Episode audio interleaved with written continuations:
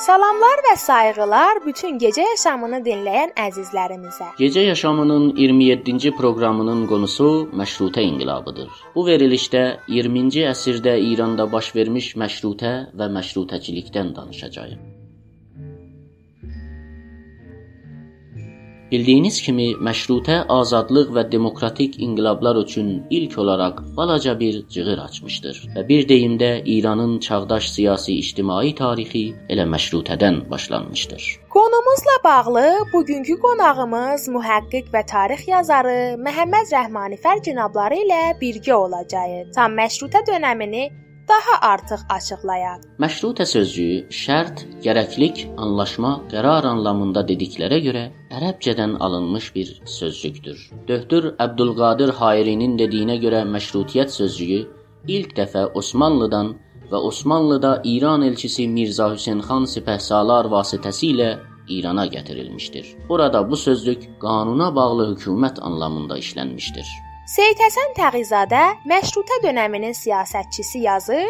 Məşrutə sözcüyü Fransa deyimində laşartdan ayrılmış və Avropadan Osmanlıya yol açıb orada məşrutiyyət sözcüyü düzəldikdən sonra İrana gəlmişdir. Belə desək, Məşrutə inqilabı 20-ci yüzilin başlanışında İranda şahın qüdrətini qanun çərçivəsinə məhdudlaşdırmaq istəyən ictimai bir inqilabdır. Məşrutəçilər də onlara deyilirdi ki, silahlı dövlət və irticaya qarşı savaş aparırdılar. Amma daha geniş baxsaq, məşrutənin nə olduğu və necə irəli getdiyi və türk hakimliyinin dəyişim səbəbinin nədənləri belə dövlət arxivlərində üstü bağlı qalıb açıqlanmayan sənədlərdədir ki, Rusla İngilis və hətta Amerika ilə Avropa məmləkətlərində gizli sənədlər bölümündə bu günədək saxlanılmışdır. 19-cu yüzillərində İranda yaşanan fəlakətin nəticəsində və siyasi-iqtisadi gücsüzlüyün ardından İranda modernləşmə sürəci və məşrutiyyət inqilabı ortaya çıxmışdır. 20-ci yüzilin başlarında aydınların başçılıq etdiyi məşrutiyyət inqilabı 1906-da ilk dəfə milli bir məclisin və məşrutiyyət hökumətinin qurulması ilə bəllibaşlı bir sonuca çatmışdır. Bu inqilabda Azərbaycanın böyük rol oynaması tarixdə aydındır. Məşrutiyyət çalışmalarını alovlandıran önəmli bir məsələsi Nasiruddin Şahın öldürülməsi olmuşdur. Mirzə Rəza Kermani 1895 ilində Nasiruddin Şahı terror etmişdir. Nasiruddin Şah yeni fikirləri ilə İran dediyimiz ölkədə islahatlar başlayarkən Türkün qanlı düşmənləri olan Avropa və Rus müstəmləkə dövlətlərinin daxilinə məruz qalanda dönə-dönə Osmanlı imperiyasından sillə yeyən yuxarıda adların apardığım dövlətlər açıq düşüncəli şahın ölümünə səbəb oldu. Bunun xalq içində yaratdığı etki və Nasreddin Şahın zəif iradəli oğlu Müzəffərəddin Şahın səltənətə gəlməsi məşrutiyyətin özəl səbəblərindən biri olmuşdur. Şahzadə Müzəffərəddin Mirza dediklərə görə uşaqlıqdan ruslar əli ilə tərbiyə olub böyümüşdür. Azadlıqlar tərəfdarı tanınan Şahzadənin Əxbarı Nasiri adlı bir qəzetənin Təbrizdə yayımlanmasına kömək etməsi, həm də Mirzə Məlikəmxanın İranda qadağan olan çıxardığı Qanun adlı qəzetini oxudu, ha belə onun zamanında bir neçə modern mədrəsənin açıldığı da söylənir. 1905 ili modern İran siyasi tarixində bir dönüm nöqtəsi kimi olmuşdur. Çünki məşrutiyyət inqilabı son şəklini bu il içində alıb, İran siyasi-ictimai həyatı bu ildən sonra bir daha əski günlərinə dönməmişdir. Mühacirət-i səğir və ya kiçik köç adlandırılan axund, tələbə, tacir və xalqdan təşkil olunan bir topluluğun Tehran yaxınlarında Şah Əbdüləzim hərəminə sığınmasını məşrutiyyət inqilabını başlandıran ən önəmli olay olaraq bilinir. Müzəffərəddin Şah xalqın çağırışına qol qoyub məşrutə inqilabçılarının səsinə səs verərək məşrutəçilər istəyən qanunlara damğa basıb basmağı ilə də İran ictimaiyyətində böyük irəliləşmələrə səbəb olub. Azərbaycan məşrutə hərəkətlərində Qaradağlı Səttarxan, Bağırxan ilə birlikdə Azərbaycan Qafqaz və xüsusən Təbriz inqilabçılarının nəzm-intizam ilə Qacar şahının qoşununa qarşı durdular.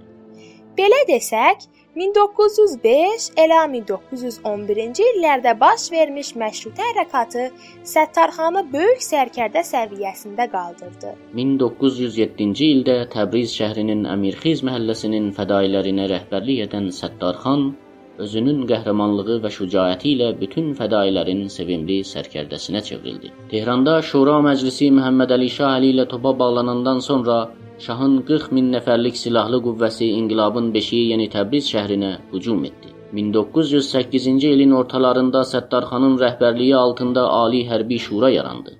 Ali Şuranın başçısı Səttarxan və onun müavini Baqırxan üzvləri isə Əli Musyo, Hacəli və Seyid Haşimxan təyin edildilər.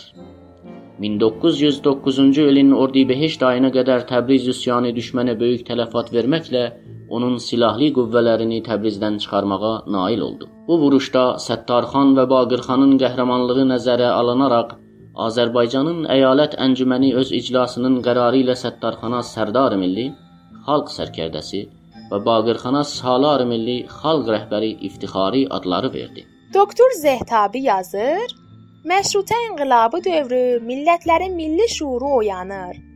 Milli hisslər aydın fikirlilər və hakim dairələrin feodalizm dövründəki məhdud çərçivəsini yararaq geniş xalq kütlələri daxilində nüfuz edir. Bütün xalq, hətta ən gənc hərəkətə gələn kəndli kütlələri siyasət meydanına çəkilirlər. Xalq iradəsi fərdi iradənin yerini tutur.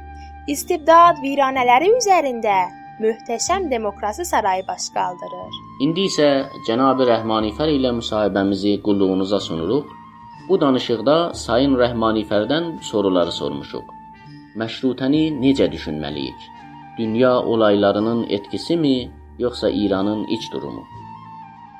Məşrutə hərəkatının kökü nə idi? Və bu hərəkət və inqilabda nələr əldə edildi? və nələr əldən getdi bizim üçün? Məşrutəçilərin istəyi nə idi? Məşrutə inqilabını birinci inqilab Orta Doğuda və Yaxın Şərqdə adlandırıblar. Ondan nə izlər qalıb? Sonrakı inqilablara nə izlər buraxıb? Məşrutə inqilabının yaranma nədənləri Məşrutə inqilabı ilə son 100 ildə olan inqilablar olan fərqi nədir? İlk öncə bütün dinləyiciləri salamlayıram hər sözdən qabaq bunu lazım görürəm deyəm ki, mənim bu danışıqlarım bəlkə bir iddələrinə xoş gəlməyəcək. İlləti də bundadır ki, məşrutə hərəkatında Azərbaycanın və özəlliklə Təbrizin çox böyük rolu olubdu və buna görə də bir para qəhrəman ə, e, demək olar qəhrəman sazlıq ə, e, sazlıq adlandıraq ya qəhrəman pərvərlik adlandıraq belə bir proseslər də işə düşüblər və biz özümüz mən özüm şəxsən ə, e, uzun bir sürə yəni ə, bu qəhrəmanları sevmişik. Bəlkə elə əlan bu sözləri danışıram ki, yenə də bu qəhrəmanları sevirəm. Ancaq ə, e, biz tarixə baxanda, biz təhlilə çatanda, yəni bu şəxsi maraqlarımızı qırağa qoymalıyıq və tarixdə onlar ki, fakt olaraq gözümüzün qabağındadır, onlara əhəmiyyət verməliyik. Buna görə ə, e, məxsusən ə, e, buna görə ki, Təbrizin böyük nəqşi olub məşrutədə. Əslən bir para bizim yoldaşlarımız mən qabaqca rast gəlmişəm. Yəni bəzən tribun arxasında danışmışam.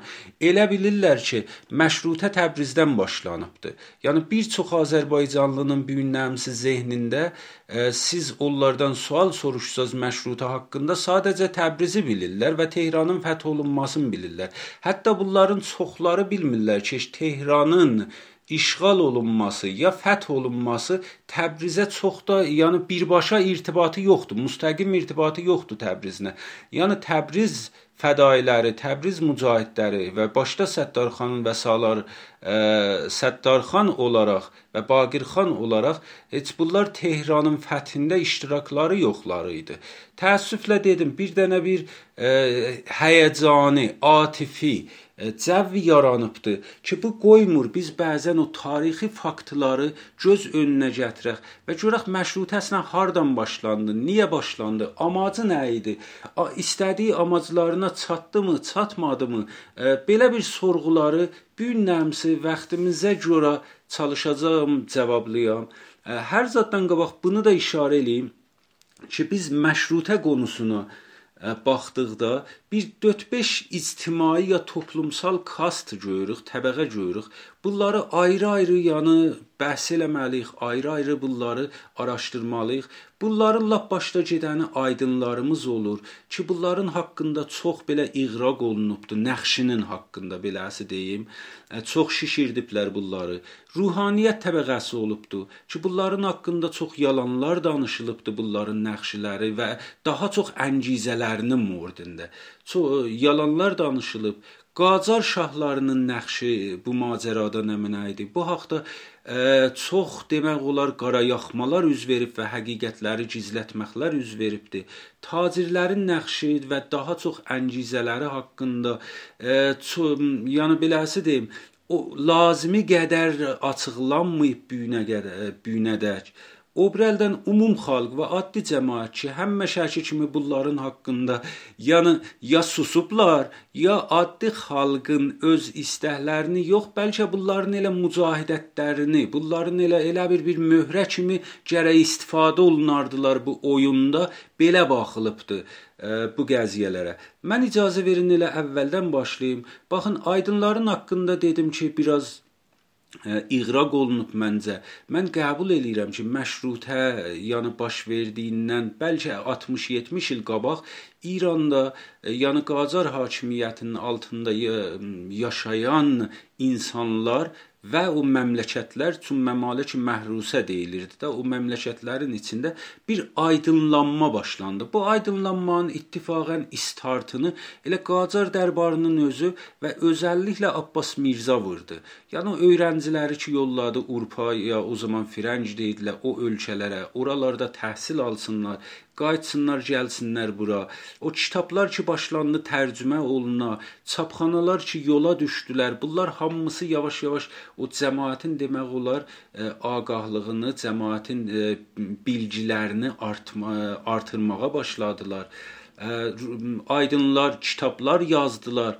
Ancaq Bu kitablar bir para, yəni təsəvvür elən bir dənə belə bir böyük məmləkətdə ki, kətdi o zaman özəlliklə kətdilərin sayısı şəhərlərdən daha çox idi və bunu nəzərdə alaq ki, millətin mən amar əlimdə yoxdur, amma bəlkə bilirəm 190-ında savad ola bilərdi ki, eləyə bilərdilər bu taza savad olandan sonra əllərinə çatardı bu aydınların əsərləri və özləri də istəyərdilər ki, bu əsərləri oxuyalar, yəni təkfir eləməyərdilər filan olan, yəni təsəvvür elən bir məmləkətin millətindən yüzdə neçəsi eləyə bilib misal olaraq deyirəm Fətəli Axundovun əsərlərini oxusun və düşüncə üzrə gəlsin məşrutə hərəkətini başlasın. Yəni bir formalaşmış düşüncəyə malik olsun və desin bizə məşrutə lazımdır. Mən e, bu çox açıq-aydın bir sözdür. Dedim, təsəvvür elən neçə millətin yüzdə neçəsi belə bir aydınların əsərlərini oxuyub və özləri aydınlaşmış insanlara dönüb və gəlib bu hərəkətlərə girişmişlər. Vaqiət budur ki, bizim amar dəqiq əlimizdə də olmasa, bunu demə sezmək, bunu de, dərk eləmək çox da çətin bir məsələ deyil. Yəni bunu çox rahat düşünmək olar ki, aydınların nəqşlərinin moridində iğraq olubdu.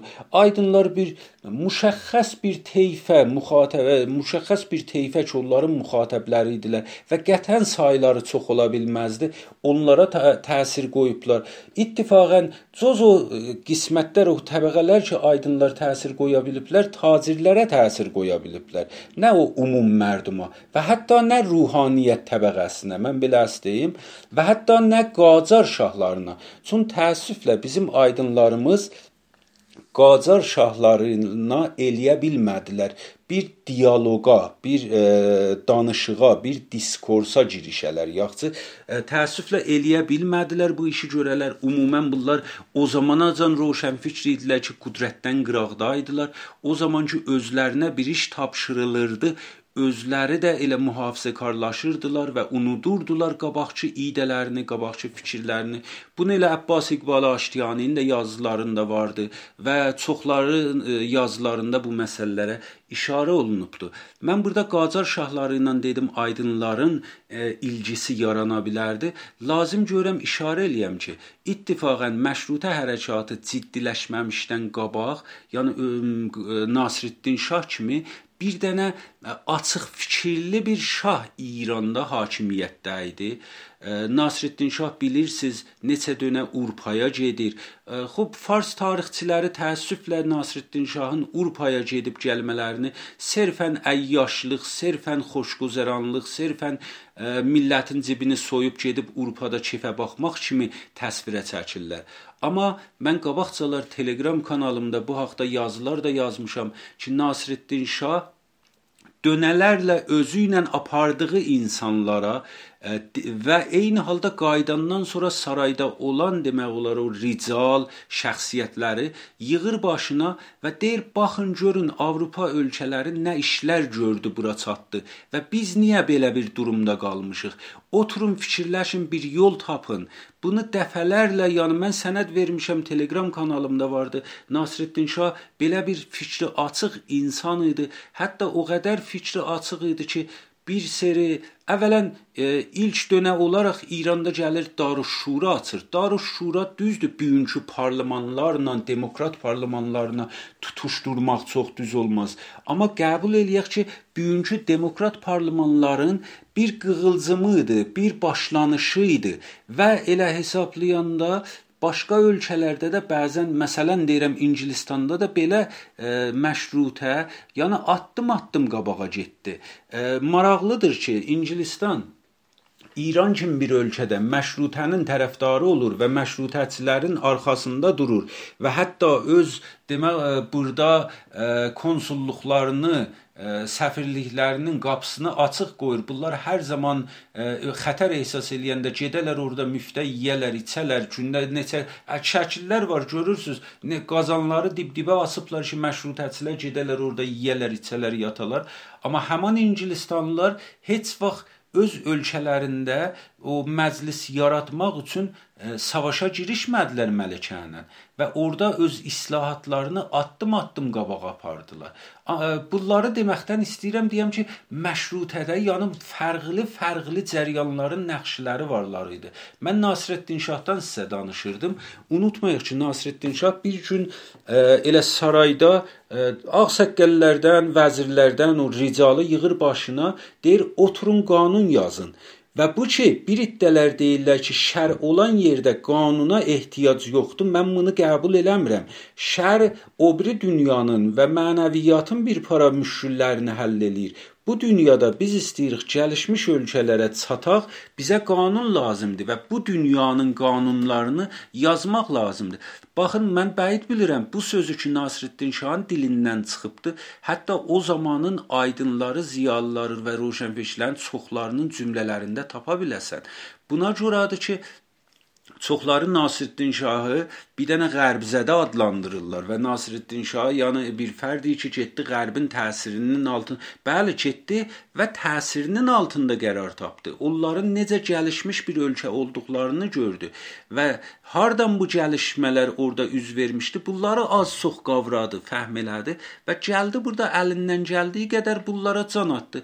Amma təəssüflə ki, ə, əvvəldə mən deyim, bir para rical dərbarda olan, sarayda olan insanların şəxsi mənafeləri belə icab eləyirdi ki, bu islahat məmləkətdə baş tutmuyor. Çünki bunlar ümumən özləri xan idilər, ərbab idilər, zəmiləri varlar idi, rəiyyətləri varlar idi.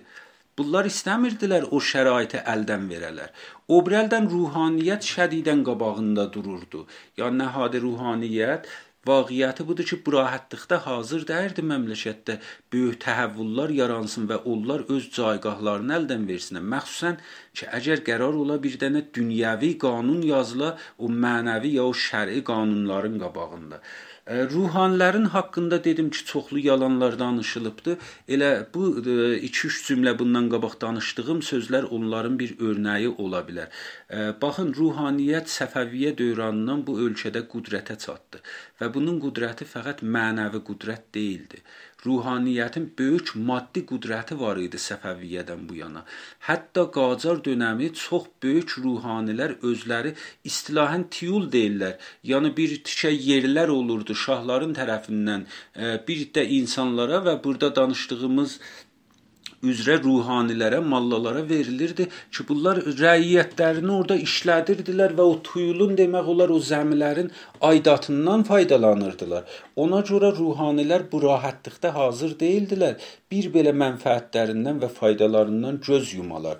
E, bu ki, bir iddələr istəyirlər ruhaniləri e, məşrutəçi görsədələr e, və belə görsədələr ki, istəyirdilər istibdad qacarına mübarizə eləyələr, məncə əslən düz söz deyil, bəlkə ruhaniyyətin içində 10 qat əgər elə həman istibdadı həman Qacar şahını saxlamağa düşünürdülər.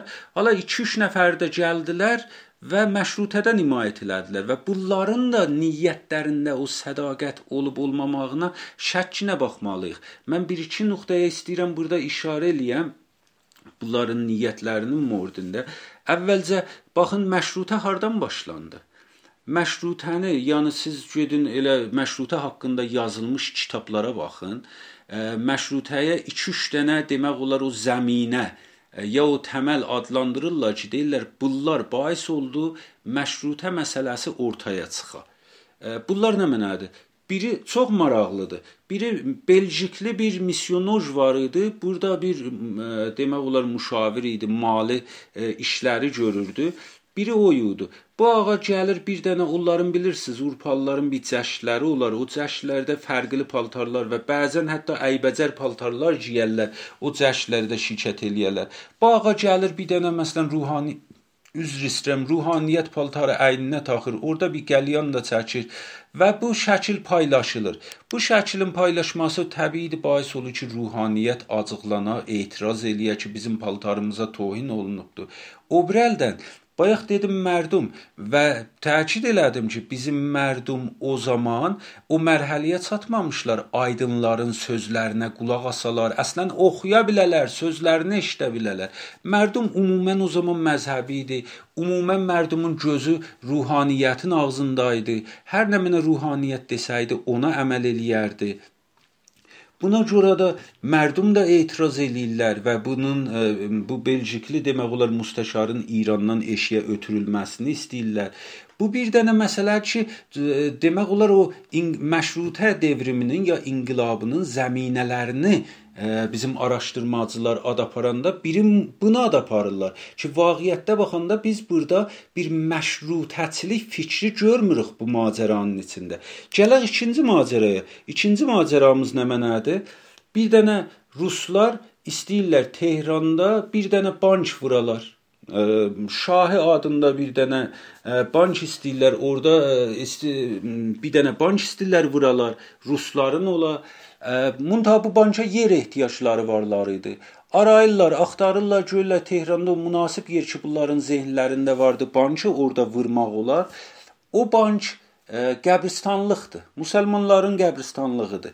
O zaman da indikiyə kimi ovqaf idarəsi ola, bir mütəvəlli ola, məsul ola, müşəxəs gedələr tanınmış bir qurum, nəhad idarənin başına belə bir zət yox idi.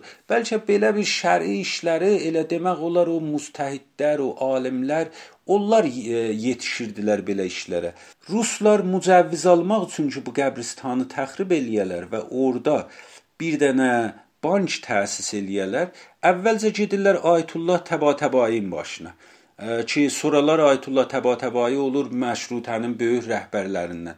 Ayətullah Təbatəbayi caiz bilmir, müsəlmanların qəbristanlığını da satmağa, özdə ruslara satmağa caiz bilmir və hazır olmur bu kağızı imzalasın. Ayətullah Təbatəbayinin o zaman ruhunun xəbəri olur ki, görür Ayətullah Nuri, Şeyx Fəzlullah Nuri oranın qəbaləsini yazıbdı da, pulun alıbdı da, satıbdı da, gedibdi və ruslar orada başlayıblar qəbristanlığı düzəltməyə, söhməyə və bankı düzəltməyə. Və bu macərada Ayətullah Behbəhaninin də əli boşa çıxıb, bunun da əli boşa çıxıbdı. Bunlar otururlar, neyniyək, neynəməliyik?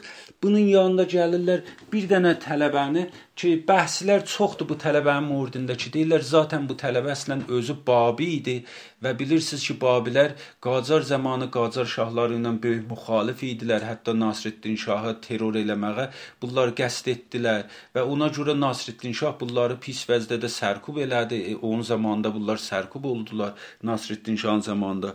Ya bir dənə Babi tələbəni çıxaldırlar minbərin üstünə Qabaqdan da hər şeyə hazırlıq görüblər, amma cəmaətin xəbəri yoxdur.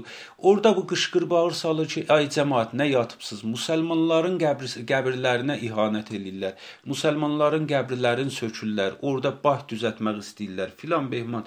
Cəmaəti bir düzəməlli demək olar həyəcanlandırdıqdan sonra qeydir deyir, indi bizim əlimizdən gələn təkcə iş budur ki, duraq bir bərabər gedək orada o qəbristanlığa və son dəfə olaraq biz o müsəlmanların qəbirlərinin üstündə üstündə bir Fatihə oxuyaq və onlardan vidalaşaq.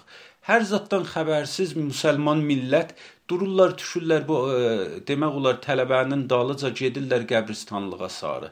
Bunlar heç bilmirdilər ki, qabaqcadan bir neçə nəfər də qolçomağı hazırlayıblar və qəbristanlığın yaxınlığında bunları yerləşdiriblər, əllərinə çomaq veriblər ki, bizim belə bir planımız varımızdır. Biz qəbristanlığa sarı gələndə siz nə iş görəcəksiniz?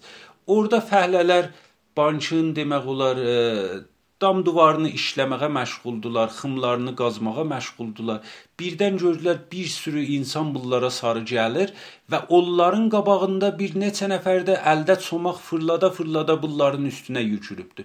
E, elə qoyan qaçdı, qalan kötək yedi, addı o məsciddən çıxan insanlar da ki, bu vəziyyəti gördülər, onlar da ürəkləndilər. Əlinə daş alan kim, əlinə çomaq alan kim vurdular orada məsələn bankın o həyət divarları işlənilmişdi, xımları qazılmışdı. Vurdular oraları dağıtdılar və bu böyük bir dənə macəraya təbdil oldu bu arada.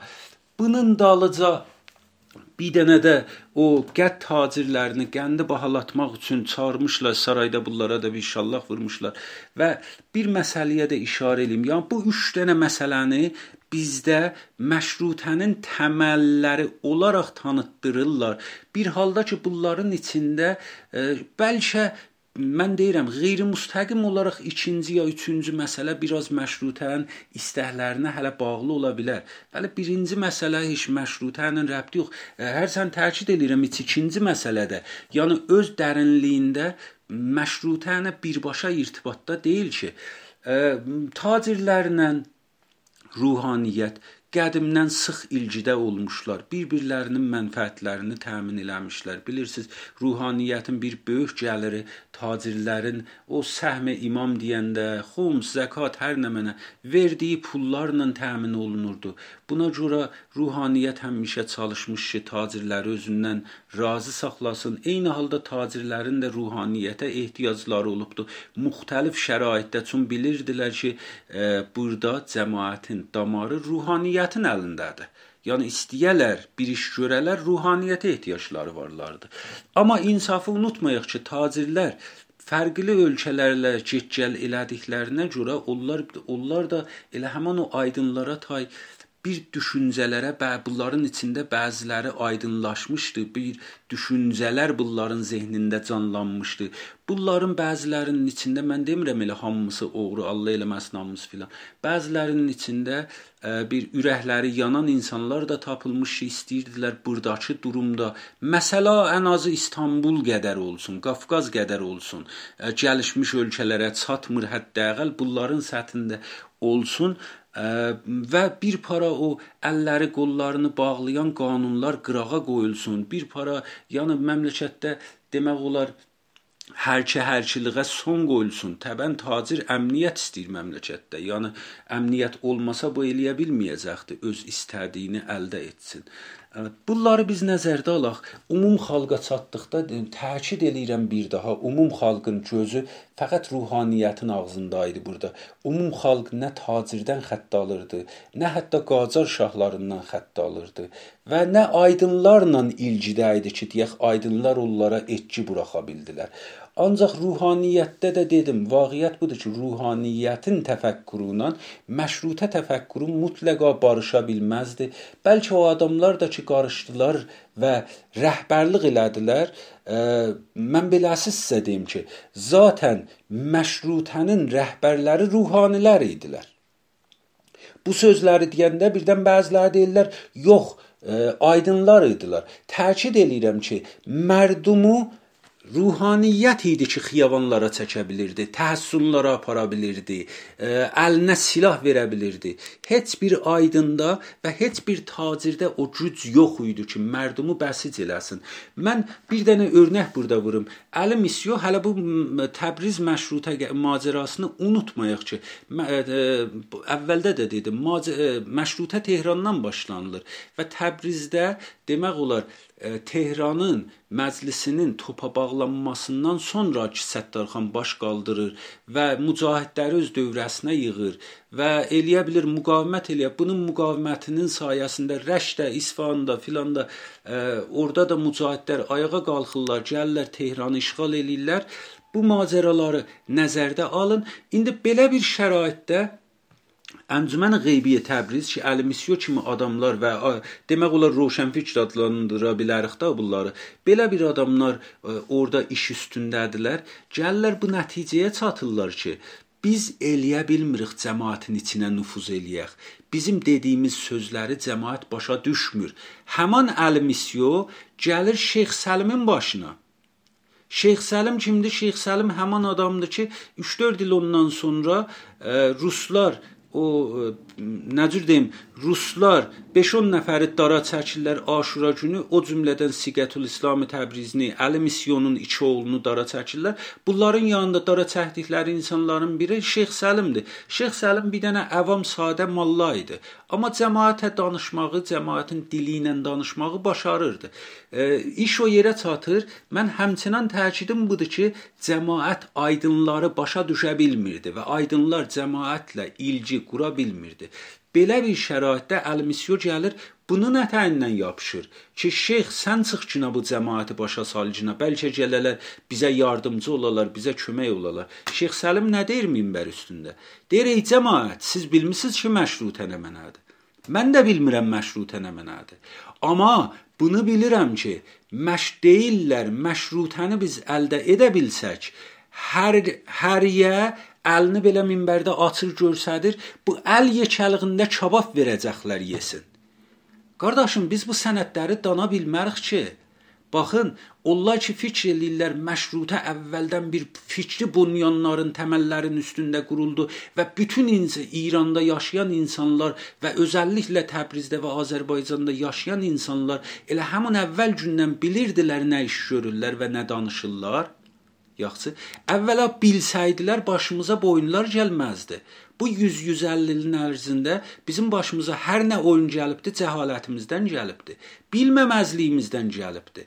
Bilsəydik ki, məşrutəni, məşrutənin sonucu rizaxan olmazdı. Bəs ona görə xahişən bu atifi ehsası baxmaqlardan uzaq gəzək. Bu bizim millətimizin o zaman ümum millət deyirəm. Mən 5-10 dənə roşənfikri qoyuram qırağa. Bu bizim ümum millətimizin o zaman anladığı idi məşrutədən ki, kabab verəcəklər bir əl yekəliyində. Hala maraqlıdır ki, sözlər biraz ağır oldu. Mən burada biraz fəzanı dəyişmək üçün buna da işarə eləyim ki, məşrutə nəticə alandan sonra kabab vermirlər. Cəmaət yumulur Şeyx Səlimin üstünə ki, sən demişdin kabab verəcəklər. Hanı bu kabablar? Qeydir deyir, mən demişdim kabab verəcəklər, amma deməmişdim kimə verəcəklər ki. Yaxşı, yəni belə bir vəziyyət də yaranılır. Obrəldən baxaq Tehrandakı məşrutə rəhbərlərinə. Mən təkid eləyirəm ki, mən məşrutə rəhbərlərini ə, ruhanilər bilirəm. Aydınları rəhbər bilmirəm. Çün aydınlar eləyə bilmədilər rəhbərliyi ələ alalar. Aydınlar qıraqda qaldılar, 5-10 dənə yazı yazdılar, söz danışdılar, amma mərdumu hərəkətə gətirən Bunu neçə dəfədir təkid eləyirəm ruhanilər idi.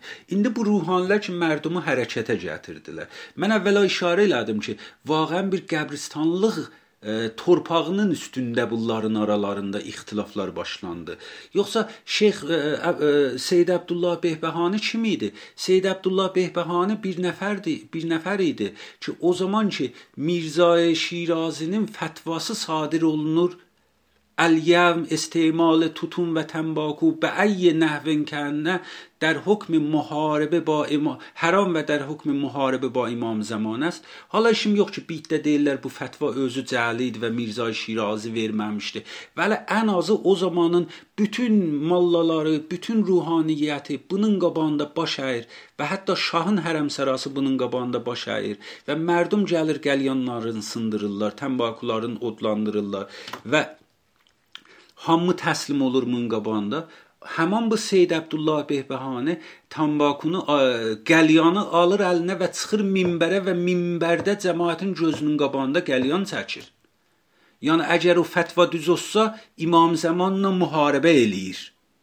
Bir dənə yuxarı rütbəli bir mərcəyin sözünün qabağında bu ağa duru gəlir və Qacar dərbarının e, demək olar Qacar dərbarının arxasında durur. İndi nə cür oldu Seyd Əbdullah Behbahani birdən-birə Qacarla müxalif oldu və məşrutəçi oldu? Bunları biraz düşünək. Bu Seyd Əbdullah Behbahanidən bir dənə gözəl bir cümlə vardı. Deyir biz bilmirdik ki, məşrutə nədir. Ağalar getmişlər Firəncə, gəldilər, dedilər, orada məşrutələri var və qəşəh bir zaddır. Dedik, indi ki onların varlardı və qəşəhdir, niyə bizdə olmasın? Hələ bu çox gözəl təbirdir məncə. Çox sağ olsun ki, lağəl deyib əgər qəşəng bizatdır bizdə də olsun. Yaxşı, mən sizə Şeyx Fəzlullah Nuridən bir dənə cəlib cümlə deyim.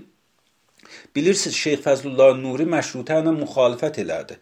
Qacar dərbarından himayət elədi və ə, o zaman da ki məşrutəyə biraz yaxınlaşdı, dedi ki, biz məşrutəmiz məşruə ola. İşim yox və sonra da bilirsiniz ki, bunu dara çəkdilər və Cəlal Al Əhməd kimi adamlar da bunu şəhid adlandırdılar. Yaxşı, İndi bəhsim buna gəlir ki, Şeyx Fəzlullahın çox maraqlı bir cümləsi vardı. And içir o mallalar deyirlər ləfzi cəlaliyə. Deyir vəllah nə mən məşrutə ilə düşmən idim, nə şeyx nə şey Seyd Əbdullah və Seyd Muhammed ki, mənzur Behbahani və Təba Təbainidir, nə Seyd Əbdullah və Seyd Muhammed məşrutə tərəfdarı idilər. Çox maraqlıdır. Baxın bu cümlələrə. Yəni pərdə arxasında bizim ayrı davlarımız var idi. İndi belə bir vəziyyətdə milləti çəkiblər, millət bir-birinin qanını tökübdü. Nə üstündə? O ki, nə üstündə? Özləri rəhbərlər deyirlər, cəmaəti yan hərəkətə gətirənlər özləri deyirlər ki, biz özümüz bilmirdik nə istəyirik. Gələk aydınlarımıza, görək aydınlarımız nə istəyirlər. Ən azı aydınlarımız özlərinə görə bilirdilər ki, nə üçün çalışırlar. Baxın, ədalətxana istəyirdilər, yəni Darüşşura istəyirdilər ki, bunları mən təkid eləyirəm, əslən məşrutə savaşlarından qabaq Nasreddin Şah yaratdı bir dövrə. Hala nəticə verməyə tətil oldu. Millətdə oyanış olsaydı, millətdə ağahlıq olsaydı, məncə əslən bizim məşrutənin şikəst yeməyinin əsli amili bu idi ki, bizdə hələ millət o mərhələyə çatmamışdı məşrutə sahib ola. Yaxşı. Maraqlıdır. Burada bir nöqtəyə e, mən o aydınların nə istəməklərindən qabaq bir nöqtəyə işarə eləyim ki, məşrutə öz istəklərinə çatmadı da, bir əqim qaldı. Amma bunun əqim qalmasına fərqli-fərqli təhlillər büyünəcən irayə verilibdi. Bir teyf ki, daha çox demək olar o ə, mühafizəkar teyf adlandıra bildik, ruhaniyyət teyfi adlandıra bildik. Bunların baxışları və büyünəmsə o hakim təfəkkür adlandıra bildik. Bunların baxışları budur ki, məşrutə şikəst yedi, çünki ruhaniyyət qırağa qoyuldu və Bu sözü dəfələrlə öz nəşriyyələrində, öz rəsanələrində mətrəh eləyiblər ki, məşrutənin şikəstə e, uğraşmasının amili bu idi ki, ruhaniyyət qırağa qoyuldu, ruhaniyyətin sözünə baxmadılar. Maraqlıdır ki, təxminən 20 il bundan qabaq Seyd Məhəmməd Xatəmi e, ki, çox roşənfişlik və aydınlıq ədaları gətirirdi, özünü çox istəyirdi aydın və roşənfiş görsə də, istədi fərqli bir cümlə danışa bunun qabağında. Mən unutmaram ki, dedim məşrutiyyət şikəst yedi buna görə ki, aydınlar qırağa qoyuldu. Amma məndən soruşsaz, məşrutə şikəst yedi, nə buna görə ki, ruhaniyyət qırağa qoyuldu, nə buna görə ki, aydınlar qırağa qoyuldu. Çünki vaqiət budur ki, nə ruhaniyyət qırağa qoyulmuşdu, nə aydınlar qırağa qoyulmuşdu. Məşrutət, məşrutiyyət buna görə şikəst yedi ki, biz hələ millət yarada bilməmişdik bu ölkədə. Yəni İranda yaşayan insanlar o milli şuur, milli dərk, milli düşüncə və demək olar o bilgi və savada çatmamışlar. Özləri bilmirdilər məşrutə nə mənadır. Bunu nə cür əldə eləmək lazımdır, nə cür əldə saxlamaq lazımdır. Yəni bunun heç birini bilmirdilər. Bu bais oldu ki, məncə biz məşrutədən nəticə almayaq.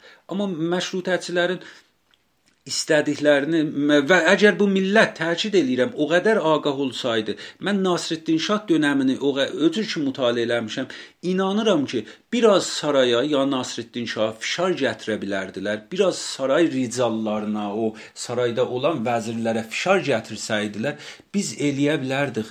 Qan töhmədən şəhərlərimizdə demək olar bir belə musibətlər yaratmadan, ə, Təbrizi məhəllə-məhəllə bölmədən ki, bu məhəllə o məhəlləni öldürə, o, o məhəllə bu məhəllənin adamlarını öldürə, biz eləyə bilərdik məşrutəyə çataq. Bu mənim baxışımdır. Əgər o ağahiyə çata bilsəydi millətimiz, məşrut məşrutəçilərin istədikləri bu idi ki, yəni baxın, bunların yazılarına, təhlilgərlərin, araşdırmacıların yazılarına baxın.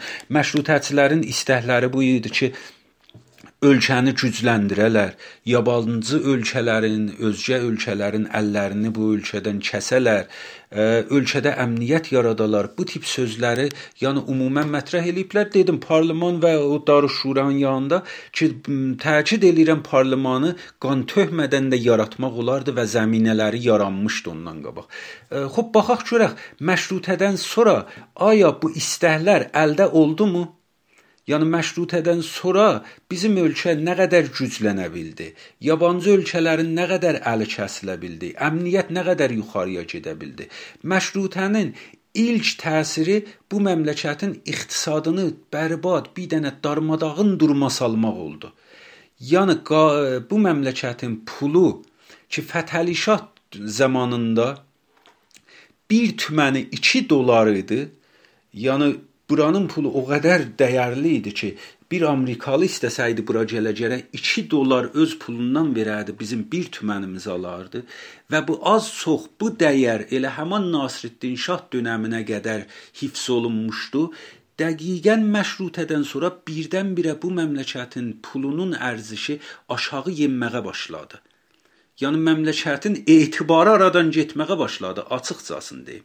Və tarixdə oxuyuruq, məşrutədən sonra bir dənə böyük aclıq düşdü və neçə milyonun ölməsindən sözlər gedir tarix boyu e, bu ölkədə. Xoş, bəzən deyirlər İngilistanın böyük səhmi var idi bu aclığın yaranmasında. Hətta o Yetimxanə İran adında bir film oynanıldı. Yəni bu mövzu təsvirə çəkildi o filmdə. Yaxşı, məsələ burdadır ki, bəs bu ölkə güclənə bilmədi. Bəlkə elə həmin məşrutə dövründə idi ki, bu aclıqlar üz verdilər. Bu qırğınlar üz verdilər. Qırğın deyəndə ciloluq faciəsi məşrutədən sonra üz verdi. Yəni az insanlar Qərbi Azərbaycanımızda bizim qurbanlıq olunmadı. Bəs bu əmniyyət ki deyirdilər yarada bilmədilər. Bu ölkəni gücləndirmək ki deyirdilər yarada bilmədilər. Yabancı ölkələrin deyirdilər istəyirik əlini kəsək. Görəsən yabancı ölkələrin əlləri kəsildi. Məşrutədən sonra idi ki, Siqətül İslam Təbrizi, Əli misyonun iki oğlu Şeyx Səlim və bir 5-6 nəfər ayrı adam Təbrizdə dara çəkildi. Məşrutədən sonra idi ki, İngilistan gəldi və Seyid Ziya kimi bir adamı kudeta ilə iş üstünə çatdırdı və ondan sonra Rizaxan kimi bir diktatoru iş üstünə gətirdi və Rizaxandan da sonra Məhəmməd Riza Şahı iş üstünə gətirdilər. Bunlar hamısı başqa ölkələrin əlləri ilə olubdu. Bəs məşrutə hətta o aydınların düşündükləri istəklərinə də çata bilmədi. Mən açıqcası deyim ki, məşrutədən biz dərslər almalıyıq. Yəni biz məşrutəni mütaliə eləməliyik. Nələri qazandıq, nələri əldən verdik deyə bunları düşünməliyik. Və nəhayət budur ki, mən sizə dedim o istəklərin heç birinə çatmadıq. Fəqət biz Azərbaycanlılar böyük bir zadı uduzduq. Mən Şəhriyarla birlikdə özgələşməkdən özləşməyə doğru adlı kitabımda yazmışam. Məşrutə savaşının sonucu olaraq Təbriz üstün gəldi, Tehran yenildi. Amma bu üstün gəlmək Təbrizə yenilməkdən daha pis oldu. Biz məşrutənin sonucu idi ki, ana dilimizi əldən verdik. Məşrutənin sonucu idi ki, min illər sabiqəsi olan türk xaqanlıqlarının demək olar tədavümünü əldən verdik. Və gəldik, fərq eləmir. Mən demirəm mən istibdaddan yanayam. Mən demirəm ki, məş gərək Qacar hökuməti təhvül tapmayadı, islahat üz verməyərdi. Hətmən gərək bu işlər olardı. Ancaq unutmayaq ki, biz Qacar istibdadını təxtdən saldıq, Rizaxan istibdadını təxtə mindirdik.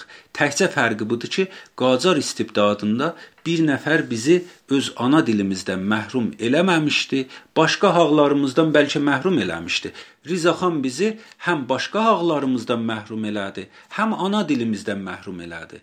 Əlbəttə mən işarə eləyirəm ki, hətta ana dilimizdə məhrum olunmasında roşənfikirlərin həmin o məşrutə aydınlarının nəqşi Rizaxandan daha çox idi ki, az deyildi.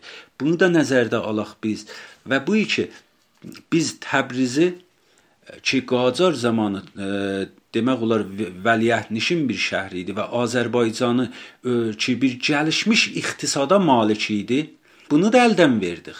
Məşrutənin sonucu olaraq biz e, elə bir vəziyyətə düşdük ki, deyirəm, dilimizi, iqtisadımızı, tariximizi, hər nəyimizi əldən verdik. İndi belə bir vəziyyətdə duraq, yəni bir həyəcani fəzada duraq, kef eləyək və iftixar eləyək. İftixar eləməli bir zat məncə qazana bilmədik biz məşrutə savaşlarında. Amma unutmayalım ki, mənim bu danışıqlarım bu anlamda deyil ki, məşrutədə canı dildən və sədaqətlə qabağa gedən insanların şənini ə, aşağılayam ya onlara tohin eləyəm. Ə, mən bir cümləni həmişə deyərəm.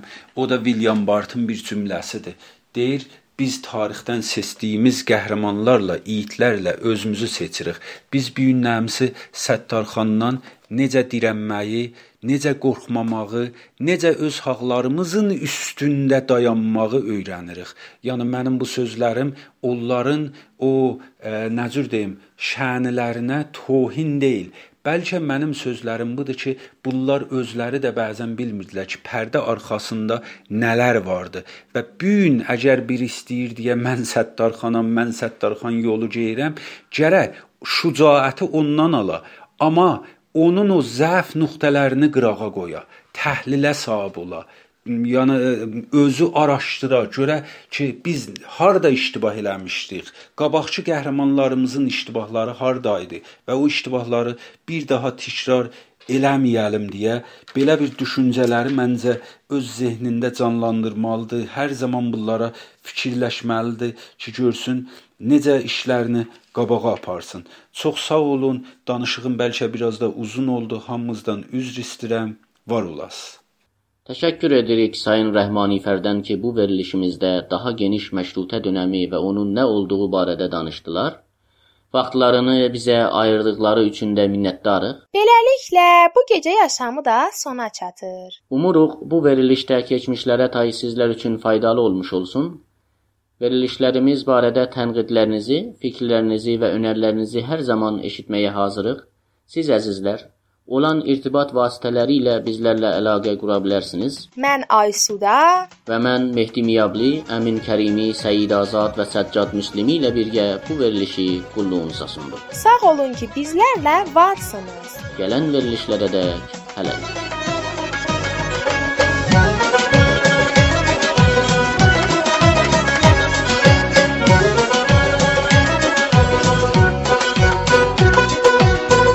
Dilimizde sözün vardır serdarım Gözümüzde yüzün vardır serdarım Dilimizde sözün vardır serdarım Gözümüzde yüzün vardır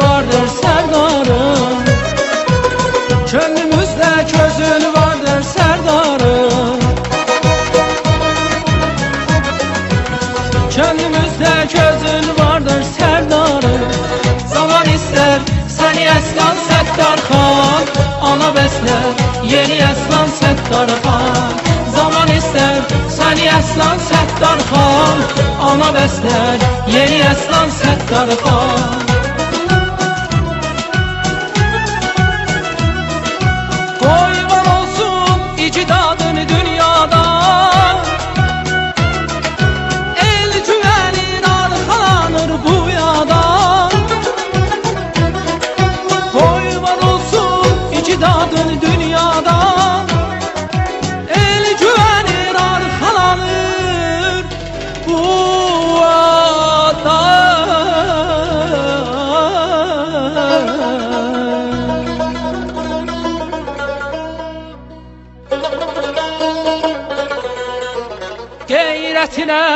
şərəfin düşür yada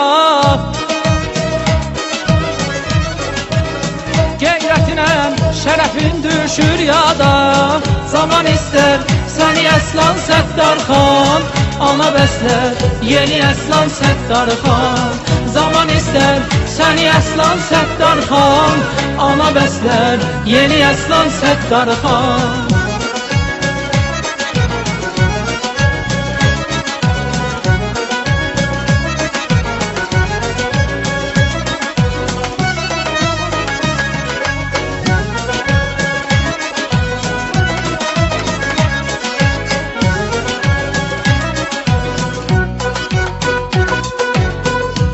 Bizim gözəl yurdumuza hər zaman. Tarixə bəzək veribdir qəhrəman Bizim gözəl yurdumuza hər zaman. Tarixə bəzək veribdir qəhrəman Yenə tutmuş ölkəni qara duman. Yenə tutmuş ölkəni qara duman Zaman istər səni Əslan Səttarxan Ana bəslə yeni Əslan Səttarxan Zaman istər səni Əslan Səttarxan Ana bəslə yeni Əslan Səttarxan Qoyman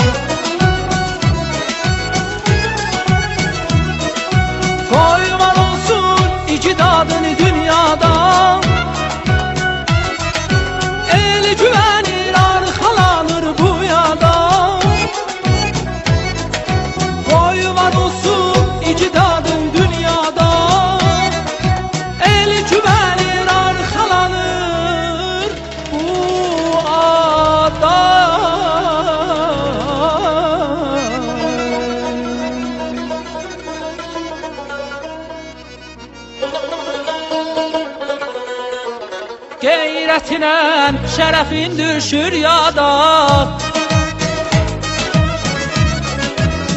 Qeyrətinə şərəfin düşür yada Zaman istər səni Əslan Səttarxan Ana bəslər yeni Əslan Səttarxan Zaman istər səni Əslan Səttarxan Ana bəslər yeni Əslan Səttarxan Zaman